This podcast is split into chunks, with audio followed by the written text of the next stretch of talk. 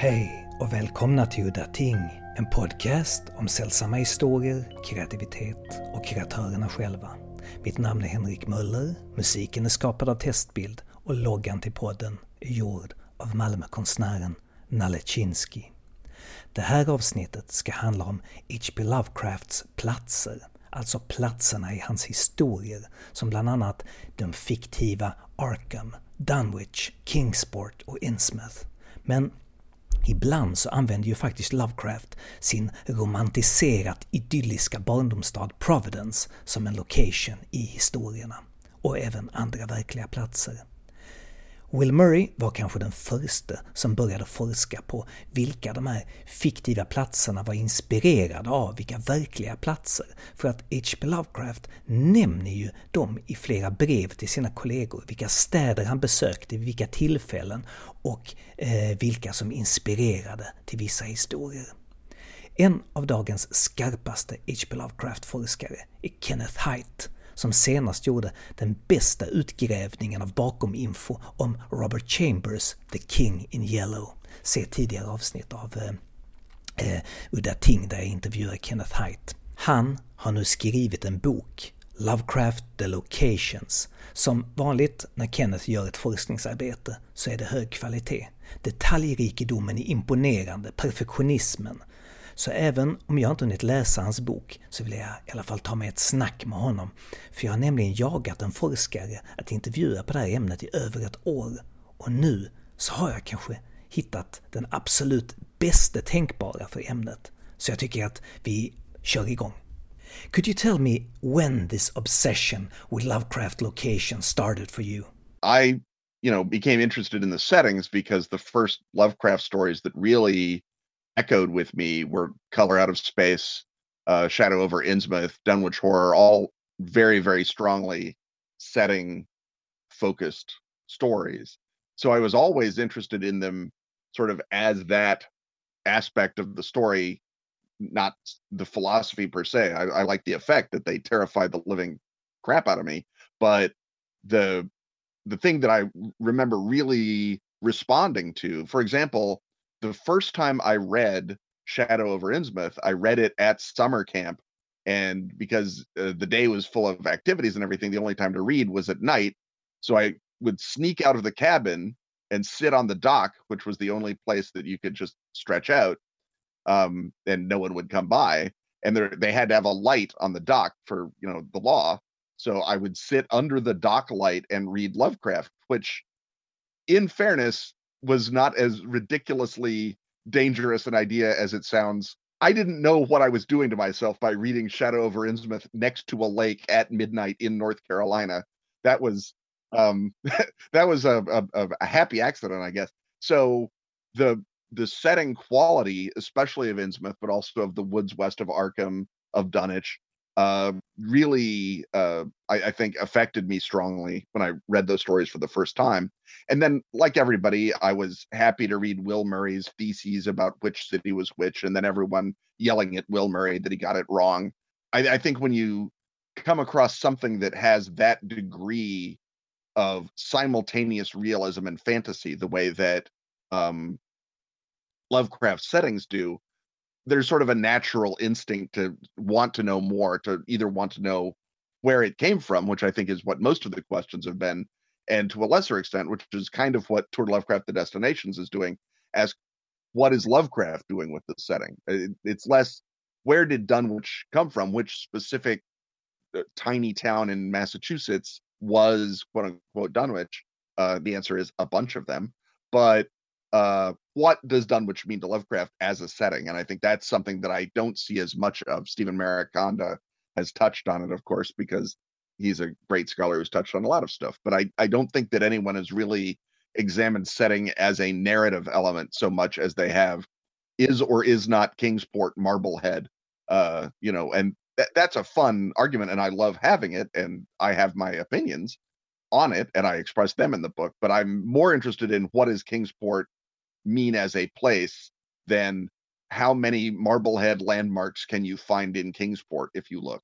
I, I think that uh, I come at it via, I guess, Northrop Frye is who sort of really woke me up to it. The notion that places in Western literature, at least, and I assume all literature, are also symbols. They also signify things. They also mean things.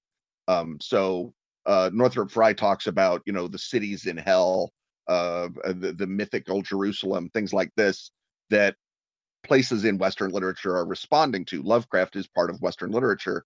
He also is using places to signify things. So uh, Dunwich specifically is uh, uh, a city or a town where uh, it's it's literally the warning sign, and you see that in you know not just in the in the in the story, but in the poem, the ancient track, where there's a sign pointing to Dunwich, right?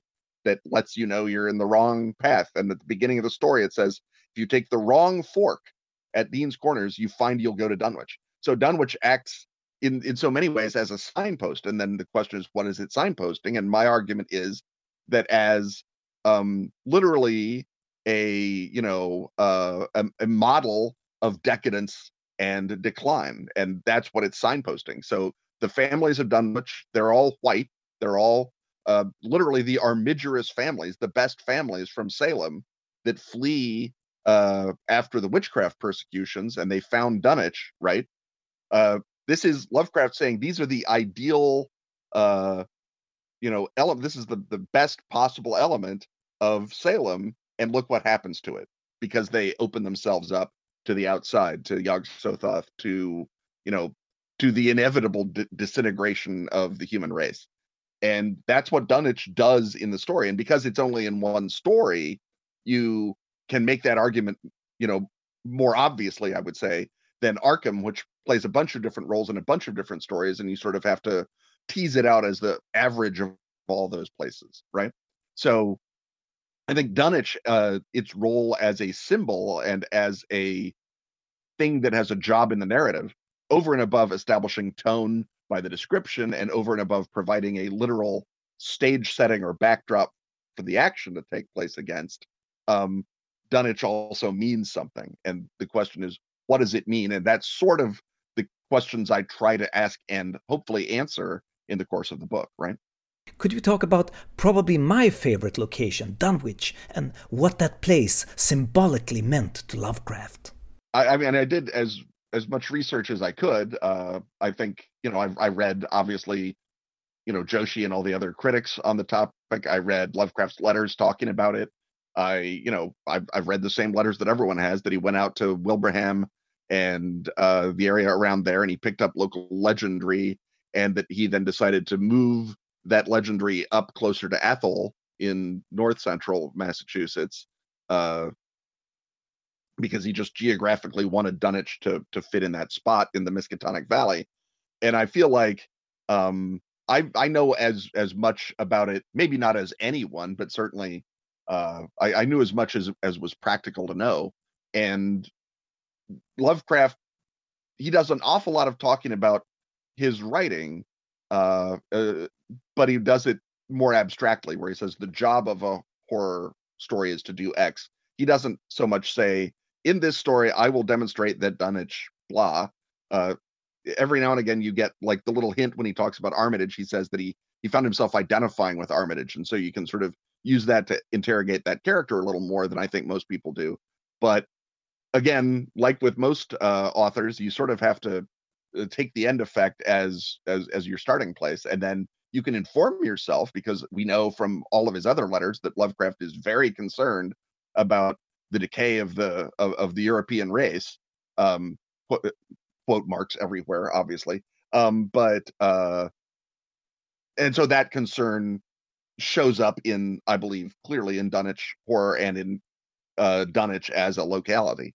And I, I feel like you can take, you know, the process of creating the story, which is one thing, and Lovecraft's larger concerns, and then you can combine them to talk about the effect within the story as opposed to just using them to sort of chase their own tail and talk more about Lovecraft's concerns, which by now that that soil is very thoroughly plowed by other authors. I don't see any real point in going back and reiterating it. What I think is more interesting and is neglected and has been since uh, the 70s is what is it doing in the story as opposed to what does it tell us about Lovecraft? Lovecraft left 100,000 letters to tell us about Lovecraft I want to know what's going on in the story and and what the story's job is. And uh, looking at Lovecraft as a writer, uh, not so much as a, a thinker, where I feel like you know if I wanted to read a 1920s philosopher, uh, I, I, feel like William James would be a more valuable use of everyone's time than H.P. Lovecraft, surely. We all know of Lovecraft's obsession with his hometown of Providence, but what does it mean when he writes Providence? I know that you brought this up in the Kickstarter for the book. You know, years ago, I was thinking, uh, I hadn't written the Providence essay yet. I'd planned it, and I sort of had guessed what it was going to be or what it was going to mean when I said it. The thing that you take away, or that I take away from looking at all the Providence stories, is that in every one of them, evil is defeated which is not a thing that happens an awful lot in Lovecraft. But in From Beyond, uh, the na- the narrator shoots the machine. In Charles Dexter Ward, uh, Curwen is you know turned back into the essential salts. In uh, Shunned House, the Whipples boil out the vampire from the basement. In Haunter of the Dark, literally a lightning bolt stops the haunter from you know doing awful things to Providence and even really to Robert Blake and even in Call of Cthulhu, which is sort of a glancingly Providence set story, Cthulhu is hit by the boat. He sinks. The you know the stars aren't right, and so for me, uh, Providence is an interesting symbol, and maybe Lovecraft doesn't mean it uh, consciously. I think you can go on forever trying to psychologize someone you've never met, but uh, it's an interesting point to me that the city that, as you point out, he he loves more than any other location in the world. He can't bring himself to destroy it fictionally. He can't even really bring himself to haunt it. Uh, Arkham is where he puts all the scary stuff, or Innsmouth, um, or other places. But Providence, they got a vampire in a basement. They've got Joseph Curwen as the sort of embodiment of of Providence's dark and hideous past. But if you go just by the Lovecraftian words, Providence is probably the safest place in the world because you know bad stuff happens here, but it gets solved, it gets dealt with, it doesn't get ignored or sh- shuffled on the the rug like it does in Arkham, or um uh, or and it doesn't win like it does in in uh, plenty of other in New York, for example. So there's a, an interesting role that Providence plays, and I feel like uh, as I was doing the research, I read Robert Waugh's amazing essay on sort of uh, locations in Lovecraft, cities in Lovecraft, as uh, being doubles of each other. And this, of course, goes back to Frye, where he talks about all cities in Western literature are both Jerusalem and uh, Dis, the the city of hell. Uh, and Lovecraft very clearly does that with New York.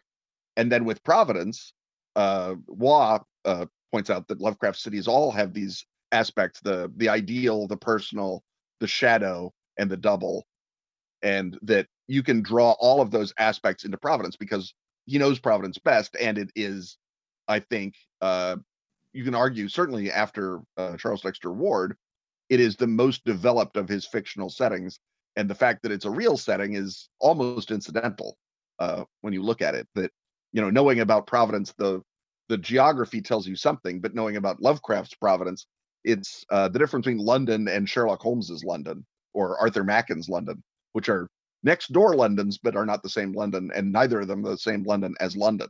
In Dream Quest of Unknown Kadath, Lovecraft's alter ego, Randolph Carter, finds out that the dream city that he was seeking all along was his hometown of Boston. Why did Lovecraft choose Boston instead of Providence? Boston to Lovecraft represented, and I get into this in the Boston essay. Um, Boston, there's a sort of a one-sided rivalry. Uh, as a Chicagoan, uh, I know all about one-sided rivalries, where Chicago is a bitter rival of New York, and New York barely knows Chicago exists. Um, but uh, I grew up in Oklahoma. We were bitter rivals of Texas. Texas never thought about Oklahoma. So Providence has that with Boston. Boston is very clearly the capital intellectually of New England and in really all other ways. And if you are, you know, consider yourself a philosopher and intellectual and you don't live in Boston, you've already lost. So Lovecraft is looking up to these Brahmins, these figures. Boston also is is mostly I mean Hawthorne is Salem, but it's still the Boston area. Um, certainly Longfellow, certainly Oliver Wendell Holmes, all these great figures, Emerson, from American literary history are in Boston. And so when Lovecraft is taking his ideal self, which Randolph Carter very clearly is, his ideal self gets to live in Boston, gets to be part of the Boston uh, uh, reality, not the Providence reality. And part of it is he's also boxed himself in because he's established in previous continuity that uh, uh, Randolph Carter lives near Arkham, which is nearer Boston than it is Rhode Island. So it would be weird if an Arkham boy who grew up in the in the Snake Hollow just uh, outside Arkham uh, then moved to Providence to become a great writer and occultist.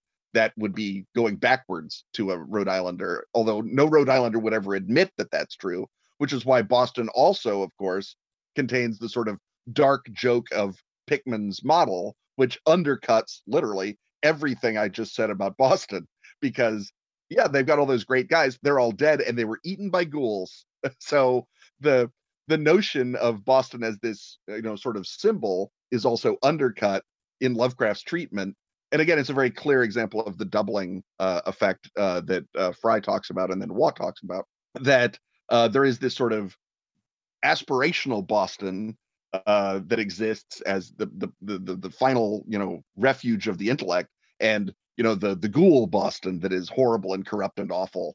And uh, and and I think Lovecraft, when you read Pickman's model, you definitely, as a Second City guy myself, I definitely feel the urge to take um, uh, the the the big dog down a peg uh, in in that story. And I feel like Randolph Carter, being a Bostonian, is part of uh, that expression of Lovecraft as saying, well, if he's my ideal self, he has to be uh, important in Boston. He has to be big in Boston.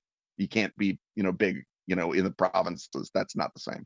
He felt Providence was, you know, the the you know, uh, almost an art object even more than it was a city. He, he talks about it architecturally and in sort of uh, painterly terms throughout his stories. And um, when you uh, re- if you read uh, Peter Cannon's essay "Sunset Terrace Imagery in Lovecraft," um, although the first time he remembers seeing sunset from a terrace, it's actually in Auburndale, Massachusetts, when he was two. But certainly his entire life after that, the Sunset Terrace is always Providence recalled, and even when he's looking down on the alien city in Dreams in the Witch House, when Gilman is looking down on that city, the noble aspects of it are clearly Providence, and the horrific aspects are uh, Lovecraft painting it outside. And so his his belief in that sort of artistic unity of architecture, of history, of images, of light, of feel, um, I think are strongest in Providence because, uh, I mean, to some extent, he's a homebody. To another extent, he is traumatized by his experience in New York, and Providence is the sort of balm to that. And part of it is just Providence is a lovely city. I mean, I go there as often as I can. You've been there. Um, it's not like he's, you know, madly in love with Cleveland or somewhere where we'd have to sort of cock an eye at him and say, "What's going on there, Howard?" But uh, I, I, mean, it's it is legitimately a, a, lovely city. I think you and I probably both enjoy things about Providence that drove Lovecraft up the wall. Um, but even in Haunter of the Dark, he comes around to making the Italian immigrants, who he by and large despises, sort of the heroes of the story. They, you know, put up the candle ring that holds the haunter back, uh, and they're they're good and noble. I mean, they're primitivized, but they're still on the side of good, which is, you know, a statement. And I think it's part of that is you know Lovecraft mellowing after 15 years out of New York, but I think the other part of that is something of Providence cannot truly be that bad. And even Joseph Curwen, remember, comes to Providence from Salem. He's not born in Providence, he's not a native of Providence. Was it after returning to Providence after his horrible experience in New York that he really started to write about Providence in his stories?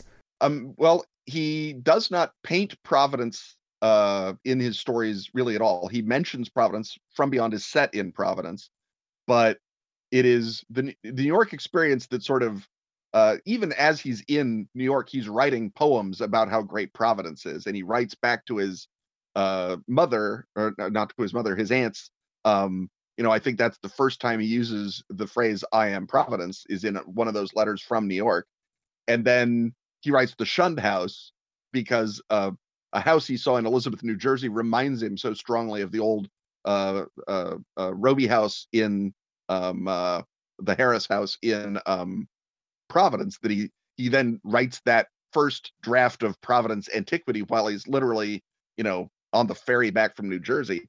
So I think that you know, homesickness plays a part of it, but I think he was genuinely in love with Providence and walking all over Providence before. It's just like, you know, if you um, uh, have a great relationship and then you date someone else, you think, oh man, I really made a mistake. I um, uh, I feel like there's an awful lot of regret in his uh, thinking about Providence when he's in New York, and then when he does get the chance to go back, I mean, you see it in his letters certainly uh, the the joy with which he seizes on the the kind of shabby uh, option that his aunts offer him um, to to to run back to Providence and blow off all of his responsibilities. That then obviously shows up in the fiction because that's when you get unknown Kadath with Randolph Carter discovering that home is uh, just a matter of waking up and looking around. Uh, that it, when you get Charles Dexter Ward, which is a love letter to Providence in a Lovecraftian métier, uh, and then you get you know uh, Call of Cthulhu, which in which Providence is cast as literally the placid island of ignorance with the black seas of infinity all around it. I mean, there's I don't think it's a coincidence that Rhode Island is an island uh, in that it, it, lexically at least, and that that's when he talks about a good island and an evil island, and the evil island is real, yeah, and the good island is oh look at that Providence is right on it. Um, what what's that about? So I feel like there is a vast degree of uh, an outpouring of refreshed love that happens when he comes back. But certainly the experience of New York constantly reminds him how much better he had it in Providence. And then his childhood up until the age of 14 when his grandfather died seems to have been pretty idyllic. He was a, a, a rich kid. He got everything he wanted. He was spoiled rotten by his mom. So yeah, his life would have been great. He, you know, was kind of the boss of his little gang of neighborhood teens. You know, everything was fine. And then you know having to you know be part of the non-aristocracy of providence i think was the first shock. Uh and then that was part of why he felt the need to go to new york and try and strike out on his own. If you know his grandfather had uh, had stayed alive or had had you know enough money to keep lovecraft in the style to which he thought he was entitled maybe he never would have moved to new york because he would have thought well here i am. I'm part of you know part of my city uh, and uh, you know the paths not taken. But I feel like Lovecraft's love of Providence uh, does burgeon. You know, you know, the absence makes made the heart grow fonder. Let's talk about Kingsport. Uh, that location is very much exploited in the role-playing game and in fan fiction, but it's uh, not in too many stories. Maybe two stories of Lovecraft's, if I'm not mistaken. Um, it's it's mentioned in more stories than that. It's only the centerpiece of uh, the festival and uh, and the terrible old man. And terrible old man, of course, is written before he ever goes to Marblehead. So, which is, I think, one of the sort of keys to Kingsport is, in my argument, Kingsport is about antiquity. Its its job is to be old. It is literally a king's port. It's not an American city. It's still a colonial city, and that hoary quality is what Kingsport is always uh character. Oh, and uh, obviously Strange High House in the Mist. So three stories. Um, uh, but I feel like Kingsport, a lot of uh what you get from Kingsport because it is so poetically expressed in the stories, it's, it's a richer brew. The stories are more about Kingsport, if you will, than the Arkham stories are about Arkham. Kingsport becomes like Innsmouth or Dunwich in that the stories are very much about the place uh, and and uh, less so about well their stories are almost never about the people but you get my my point. Um, and then the other thing that we do know is that lovecraft you know went to marblehead considered it the greatest uh, aesthetic experience of his life uh, rhapsodized about it a decade afterward in his letters and that that trip very clearly directly inspired the festival and so I feel like uh, we're on pretty strong ground when we can look at Marblehead and we can look at Lovecraft's experiences in Marblehead as because it's a very clear, you know, turn the key, there's the city. Uh, Will Murray has, you know, done yeoman work arguing that, say, Newburyport is not Innsmouth. I think most people agree Newburyport is Innsmouth, and Lovecraft basically says that about two dozen times in his letters. But um, for Marblehead, the Marblehead to Kingsport translation is uh, is clear, and it's kind of remarkable in Lovecraft's oeuvre that something is so very clearly based on not even one city, but one experience in one city, one one afternoon in one city, and that uh, that quality comes through in the in the prose. And I think that's one of the things that makes talking about Lovecraftian settings valuable is because Lovecraft is, as he says, as um, uh, place-minded as a cat, uh, and that architecture and the built environment in, literally inspire him uh, in ways that you know a, a, beautiful woman would have inspired Chambers or uh, a, a, religious experience would have inspired Machen. It's hard for me to imagine how the architecture of Marblehead could possibly inspire that misty, dream-haunted city of Kingsport in Lovecraft's brain. Well, I mean, there's a there's there's a argument um, which I I sort of buy and I sort of don't buy, but I think is very valuable um, that uh, David Haden makes uh, when he talks about uh, Lovecraft's experience in New York as psychogeography, as these long uh, nighttime walks that he took all over New York that are meant to instill or do instill, whether they're meant that way or not, they instill in him a sort of waking dream state. And he connects that to the uh, derive of the surrealists, uh, in which you just wander around and are inspired by random encounters.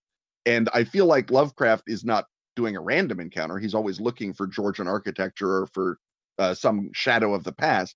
But for Lovecraft, the experience of not all the waking world, but certainly of the walking yourself into exhaustion looking at architecture part of the waking world has some commonalities with dream. And when he expresses a location as dreamlike, that to him is almost reportorial in a way that it might not be for another author.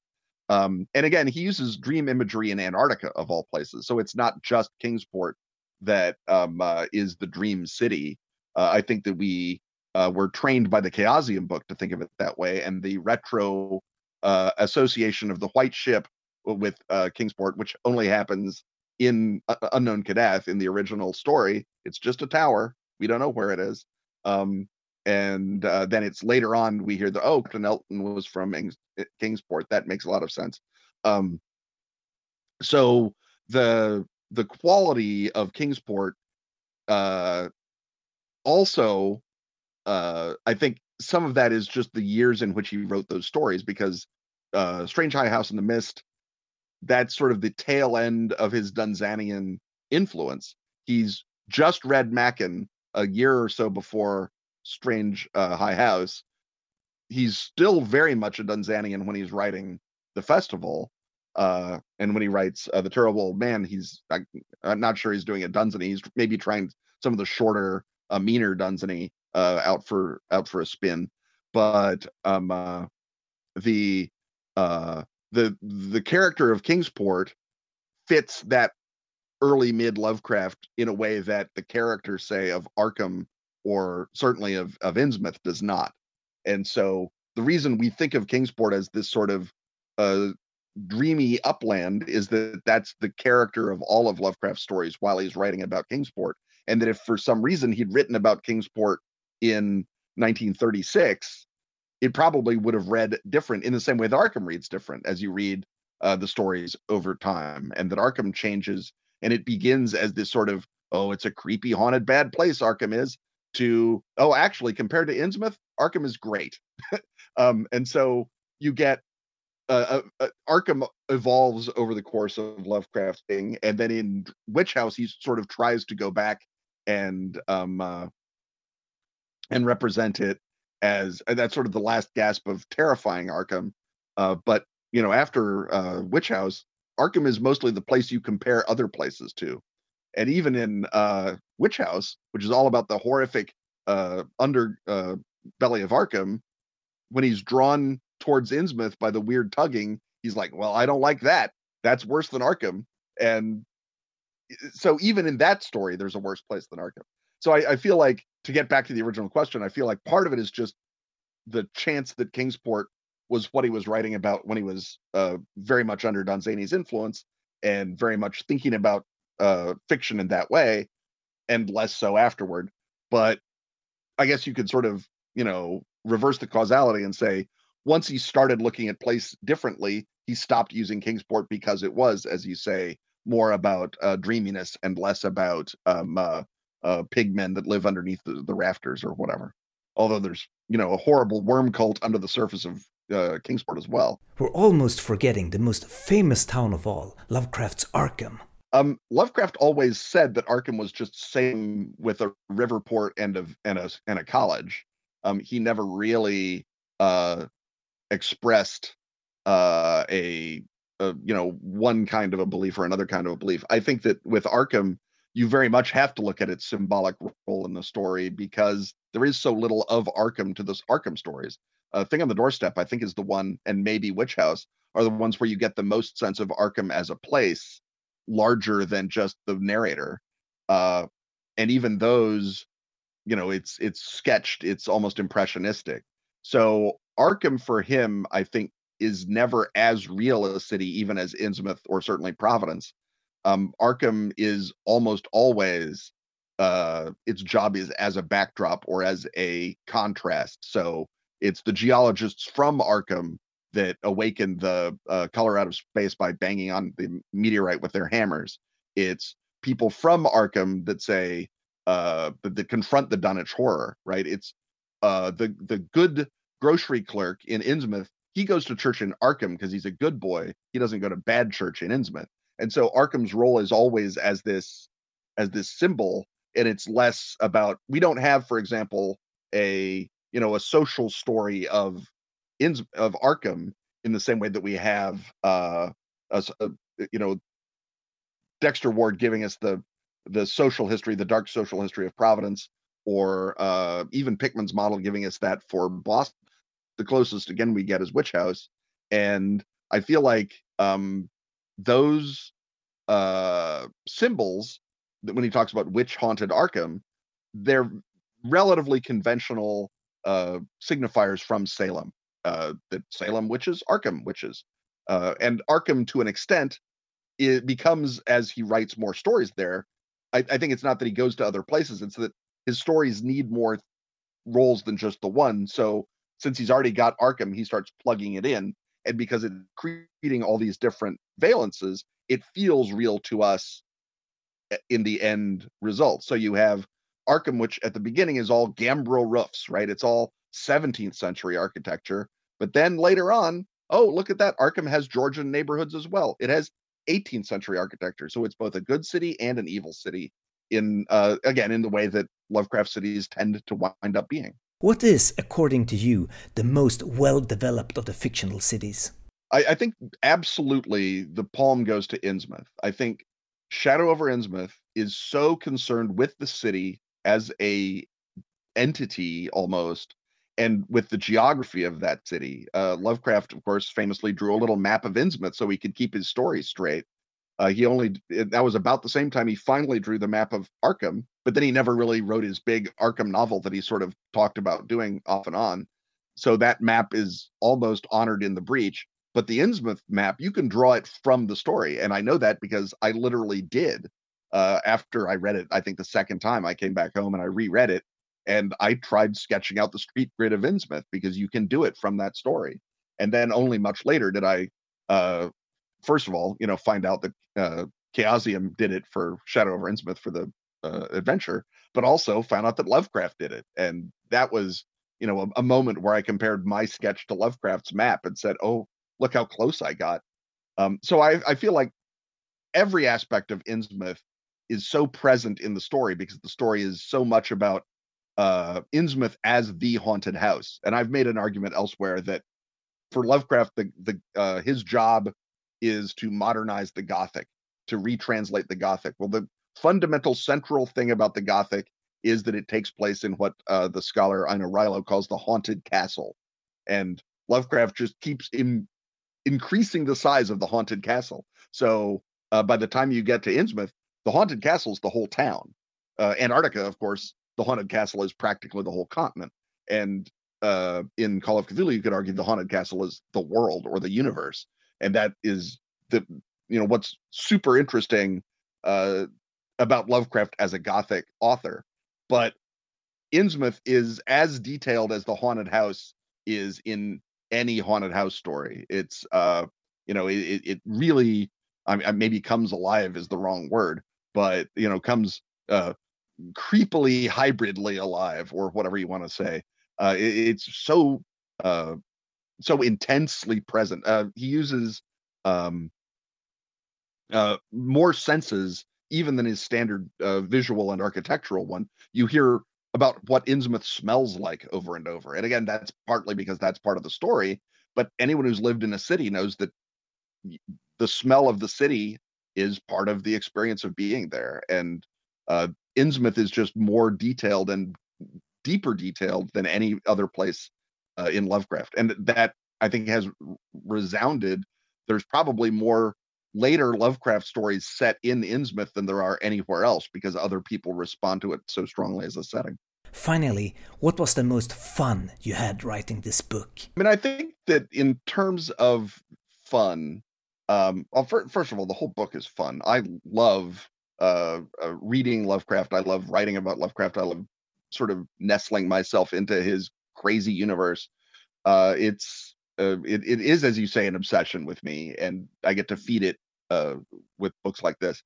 I think the most sheer fun that I had was uh, when I read essay on deep time, uh, using the the deep past as a place, um, because so much of Lovecraft's uh, fiction is about the uh, eruption of deep time onto the present or the experience of deep time as the horror.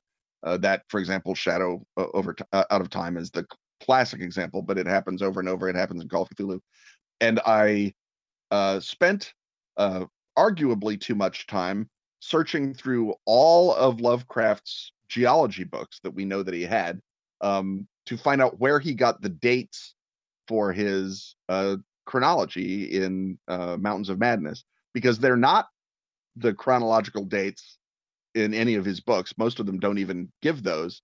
Uh, and then they're not the ones that were being scientifically published at the time. And I wound up doing a table comparing Lovecraft's uh, prehistory with geological history, both known at the time and now, to the- uh, theosophical prehistory because theosophy, of course, as Lovecraft, you know, signposts in Call of Cthulhu and elsewhere, the- theosophy is where the notion of there are these primordial pre-human ages that existed and fell uh, in uh, cataclysm, either because the stars weren't right or because the process of the yugas uh, demanded it. Um, and that's the rhythm of Lovecraft is the rhythm of theosophy, and theosophy also has a ridiculous made-up prehistory that it ties uh, spuriously to geological eras and times, and the sort of weird parallels between Lovecraft's prehistory and theosophical prehistory, and the question of to what extent is Lovecraft smuggling theosophy in under the guise of paleontology?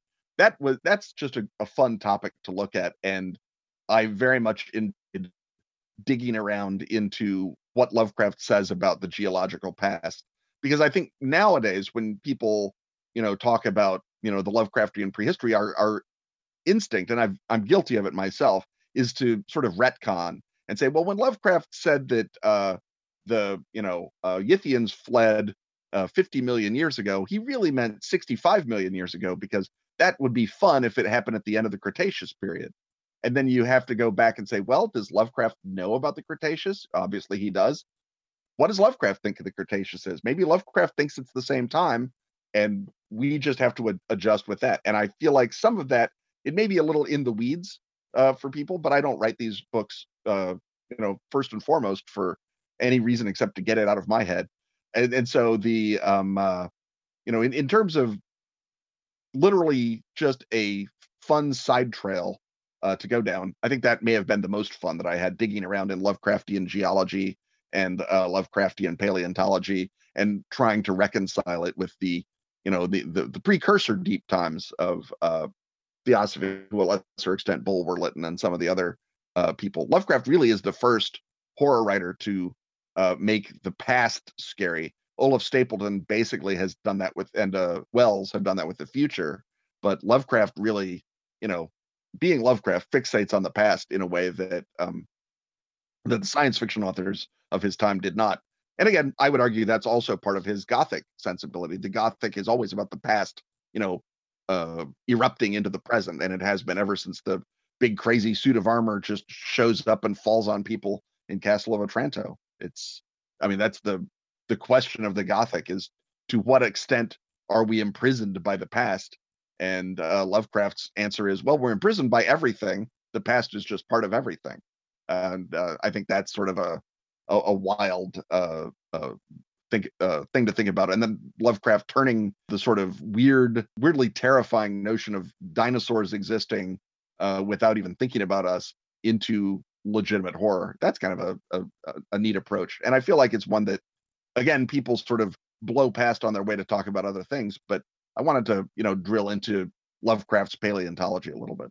Theosophy. We know that he was inspired by it because he signposts it in Call of Cthulhu.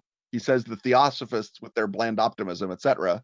Uh, we know that he writes back and forth to E. Hoffman Price uh, because Price at one time either was a Theosophist or hung out with Theosophists, and Price sent him pamphlets and materials. We know that he references Mu, obviously, and Out of the Eons. Um, so influenced by is maybe not the word that I would use, but riffs on is absolutely something he's doing. And to some extent, theosophy influenced the entire intellectual and cultural world of the 19th and early 20th centuries in a way that uh, most uh, new age nonsense made up by a former circus trick writer don't manage to do. But I mean, for, it's one of the major currents, for example, in Indian independence was theosophical thinking. And, you know, that's maybe the most important geopolitical event of the 20th century. So I, I feel like, you know, questioning theosophy's influence is almost like questioning Newton's influence on something. It's like, even if you don't think it's there, it's probably there. So, what did H.P. Lovecraft think of theosophy? Oh, we thought it was nonsense because Lovecraft was, by and large, a rationalist, but he was very excited at as he says, uh, I think to the letter, it's not to Price, but it's to one of his other correspondents, that theosophy and his made up cosmology have a number of strange parallels. And you can argue that that's because Lovecraft is, as I say, unconsciously influenced by theosophy because theosophy is rewritten, you know, weird fiction, certainly, uh, before Lovecraft. Lovecraft read vast amounts of now entirely forgotten pulp adventure stories, many of which were direct theosophical uh, ripoffs. Uh, Edgar Rice Burroughs, huge theosophical writer, uh, Talbot Mundy, all these guys that uh, Lovecraft soaked up in his adolescence and 20s, and then what let's say refined, purified, uh, fixed, made better, um, perfected. Uh, that narrative becomes part of Lovecraft's narrative, and so when he's making up his imaginary cosmology, of course it's going to you know uh, resonate with theosophy and lovecraft is a smart enough person that when he reads the actual theosophical works he says oh that that really is there. I, I get it. And then when people ask him about it he says no it's nonsense. Of course it's nonsense. And uh, he does make a couple of uh, errors of believing that some of it is genuine indian legend opposed to made up occult bourgeois but that's because genuine indian uh, scholars at the time were saying, "Hey, maybe there's something to this," and because they wanted to get uh, sort of you know the attention of the West uh, in a way that Theosophy allowed them to do. So Lovecraft's a, a pretty sophisticated consumer of Theosophy, but he's certainly aware of the influence or the similarities that it has on his own work. And I feel like there's so many direct nods and hat tips to it throughout his writing that to say that he was uninfluenced by Theosophy would be a, a bigger stretch than to say that he was and I'm not the first person to say this. I think Robert M. Price uh, in the essay HPL and HPB, you know, in the 80s, uh, sort of first put his finger on that, and uh, it's it's just the the matter of sort of nailing down some of the specifics that uh, that I enjoyed doing in the deep time essay. Speaking of deep time, do we know what inspired The Shadow Out of Time? It seems to me that Lovecraft was the first to tackle this theme way back when he wrote it. The central concept of The Shadow Out of Time is basically a, a bigger, more exciting reworking of Polaris.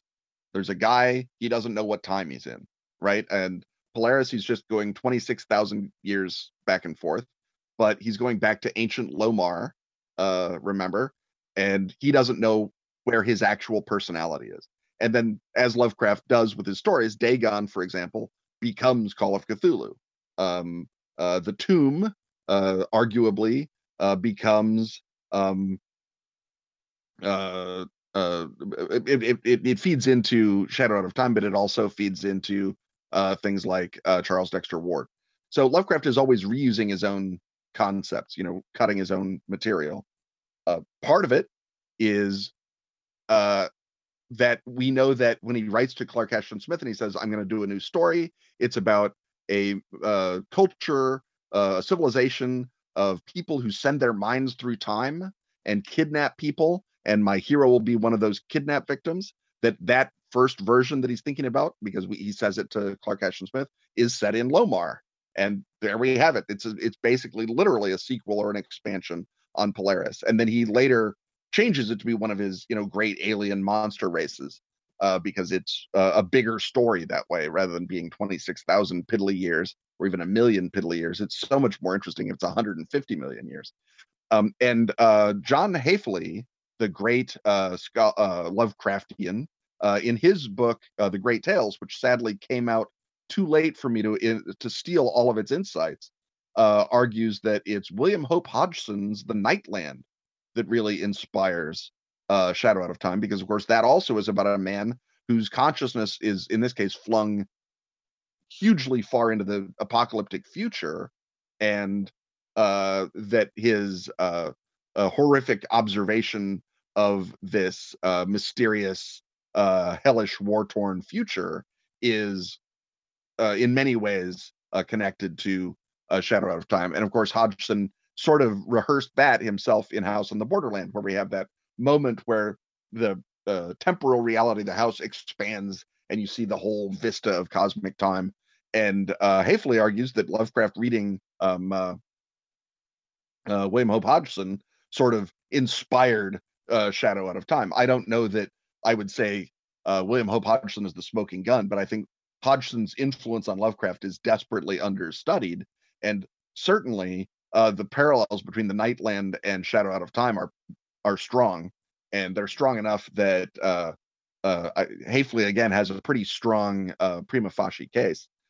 But the notion of being unmoored from time had been one of Lovecraft's sort of fantasy notions going way back in his in his letters. You can read him writing uh, to Derleth, to Smith, to so many people that the constraints of time uh, are the worst for him. That he, if he got one wish, it would be to be uh, liberated from time and be able to fly around and observe all kinds of time. And you get that with his sort of antiquarian obsessions with Rome and with uh, 18th century uh, England and America.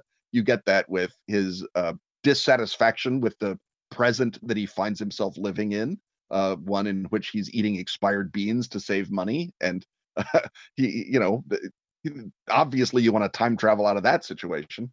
Uh, so that's always been a fascination for him. Uh, he read the Time Machine. He does not, I think, praise it as much as he should have, but he does praise it. So we know that he's, you know, in conversation with that uh, strain of science fiction. Um, but you know, as with, I think all the great Lovecraft stories, a lot of it is, um, you know, his personal life and his personal history, just like it is with any writer.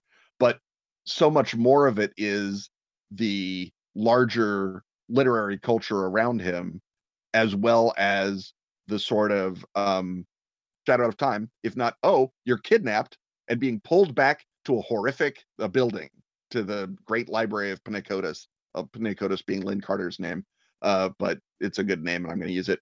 Um, and and pulled back and held captive, and then you try and uncover the mystery of your captivity, and then at the moment at the end, the big climax, the reveal is, oh, you're still captive. It was real, uh, and we're all still part of this uh, ineluctable uh, predestination. That sort of I don't call it a philosophy because I think that trying to read things philosophically is a great way to misread about half the canon. But I'll say that the project of the Gothic is something that Lovecraft is always doing, either consciously or subconsciously. And the uh, you know, Shadow Out of Time is a classic Gothic and a great Gothic and a marvelous piece of science fiction. Uh, and I think that ironically, all of those sort of weaken it as a straight up horror story because that ending has probably never surprised anyone, including the people who first read it in Astounding, right? I, I feel like, you know, by the time you actually get to his handwriting on the book, uh, everyone knows how this is going to come out. No one is, you know, expecting any uh, any any big revelation. Um, uh, it, it's uh, it's not, you know, my God, Eliot, it was a photograph from life which is a genuinely good surprise ending. Um, uh, it, it's just, well, okay, we've gotten there. Thanks so much. And because Peaslee is, to my mind, a not uh, particularly uh, well limbed character, as are practically none of Lovecraft's characters, we don't have the sort of effect that we would if Poe had written the story, uh, where we'd be part of the narrator's psychology and we'd be responding with the narrator.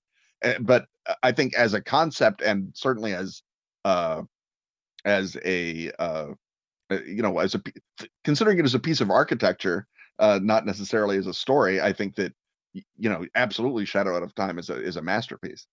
Lastly, can you tell us about your book Tour de Lovecraft, how it came to be, and where can we get a hold of this forbidden tome? The book that we've been talking about is Tour de Lovecraft: The Destinations, which is the second volume in my Tour de Lovecraft series. Tour de Lovecraft: The Tales. The first version of that came out in 2008 uh, that is just my sort of response to Lovecraft stories. And it began as a series of blog posts, very airy, very light, but a lot of people responded very positively to that because apparently what they wanted was someone to read Lovecraft for them and point out, you know, the the pitfalls and and and fun spots. And so that's what Tour Lovecraft the Tales began as, is literally a tour through Lovecraft. Well, as I was writing that, I got uh, a uh, message from uh, one of the editors of Weird Tales who said, This is great. Do you want to do something like this for Weird Tales uh, as a column? And uh, I don't mind telling you, if you get an offer to write a column for Weird Tales, you take it. And so I said, Yes, let's do one about the settings because I've already done all this, the tales, and retelling that is going to be boring to me. So I started um, a column that was called Lost in Lovecraft, uh, that was just looking at Lovecraft settings in the way that I, we've talked about and that ran for about a dozen issues. Uh, then Weird Tales changed uh, ownership, and the new owners had a "don't pay Ken" policy, which I was against, and so the column sort of uh, petered out. And I never really got to write, as I said, the Providence piece that I'd thought of as the big conclusion ever since I pitched the series uh, to the editors in the first place. So uh, those sort of hung fire. And in the interim, Kickstarter became a thing and uh, the publisher of Tour Lovecraft, uh, my friend Hal Mangold at Atomic Overmind, said, "Let's put out that sequel and let's kickstart it." And uh, long story short, and all the backers listening are rolling their eyes, I'm sure, at the notion of a long story uh, in, involved in here. But uh, the book came out, uh, went out to backers end of last year, and now the copies are going on sale in finer game and specialty stores, hopefully bookstores, uh, in uh, March. And you can get them. Uh, you can get uh, Tour de Lovecraft: The Destinations, which is, as I mentioned, just this series of essays about Lovecraftian settings and what symbol, uh, uh, what what role they play in the story. Uh, and then I also uh, expanded uh, Tour de Lovecraft: The Tales. So I added more of Lovecraft's revisions. I added little summaries of the stories because people uh, apparently wanted that for some reason. So uh, it's a it's a bigger, more complete uh, work to go with it. So both volumes of Tour de Lovecraft are uh, on shelves, but which shelves is a, a question for the expert. Uh, hopefully, uh, all good game stores and many good bookstores, starting as I say in March, and they look lovely. They were printed in Lithuania by lovely Lithuanians. Um, they're gorgeous. Uh, uh, Hal, of course, did the amazing job of uh, physical book design that he does. So I feel like uh, you're definitely um, uh, you're, you're getting a, a, nice book when you buy uh, either one of them. And if you buy Tour de, Lovecraft: The Destinations, I should point out, I uh, took a Shell gasoline of Massachusetts from 1933, and I sent that map to a cartographer, friend of mine, Mark Richardson. And Mark Richardson, after endless bullying by me, uh, turned that map into a map of the Miskatonic Valley. So if you've ever wanted to know what the Shell gasoline map of the Miskatonic Valley looks like, uh, well, it's folded into the back of Tour Lovecraft: The Destinations. So uh, help yourself, uh, I, and I'm pretty fond of that. Uh, you know, figuring out where can the Miskatonic River run without being hydrologically impossible, and uh, questions like that, and exactly how does Kingsport Head work, given that uh, the Miskatonic River is always on Olney's left when he's climbing it, uh, and and so what does that say about where Kingsport is? So th- there's a lot of interesting, fun stuff that went into, as I say, me endlessly bullying the cartographer, but uh, the result is uh, pretty great, and I think it's uh, I don't want to say it's worth the whole purchase price, but it's certainly a nice addition. Ja, och med de orden så var det slut för den här gången. Mitt namn var Henrik Möller och musiken var skapad av Testbild. Hej då!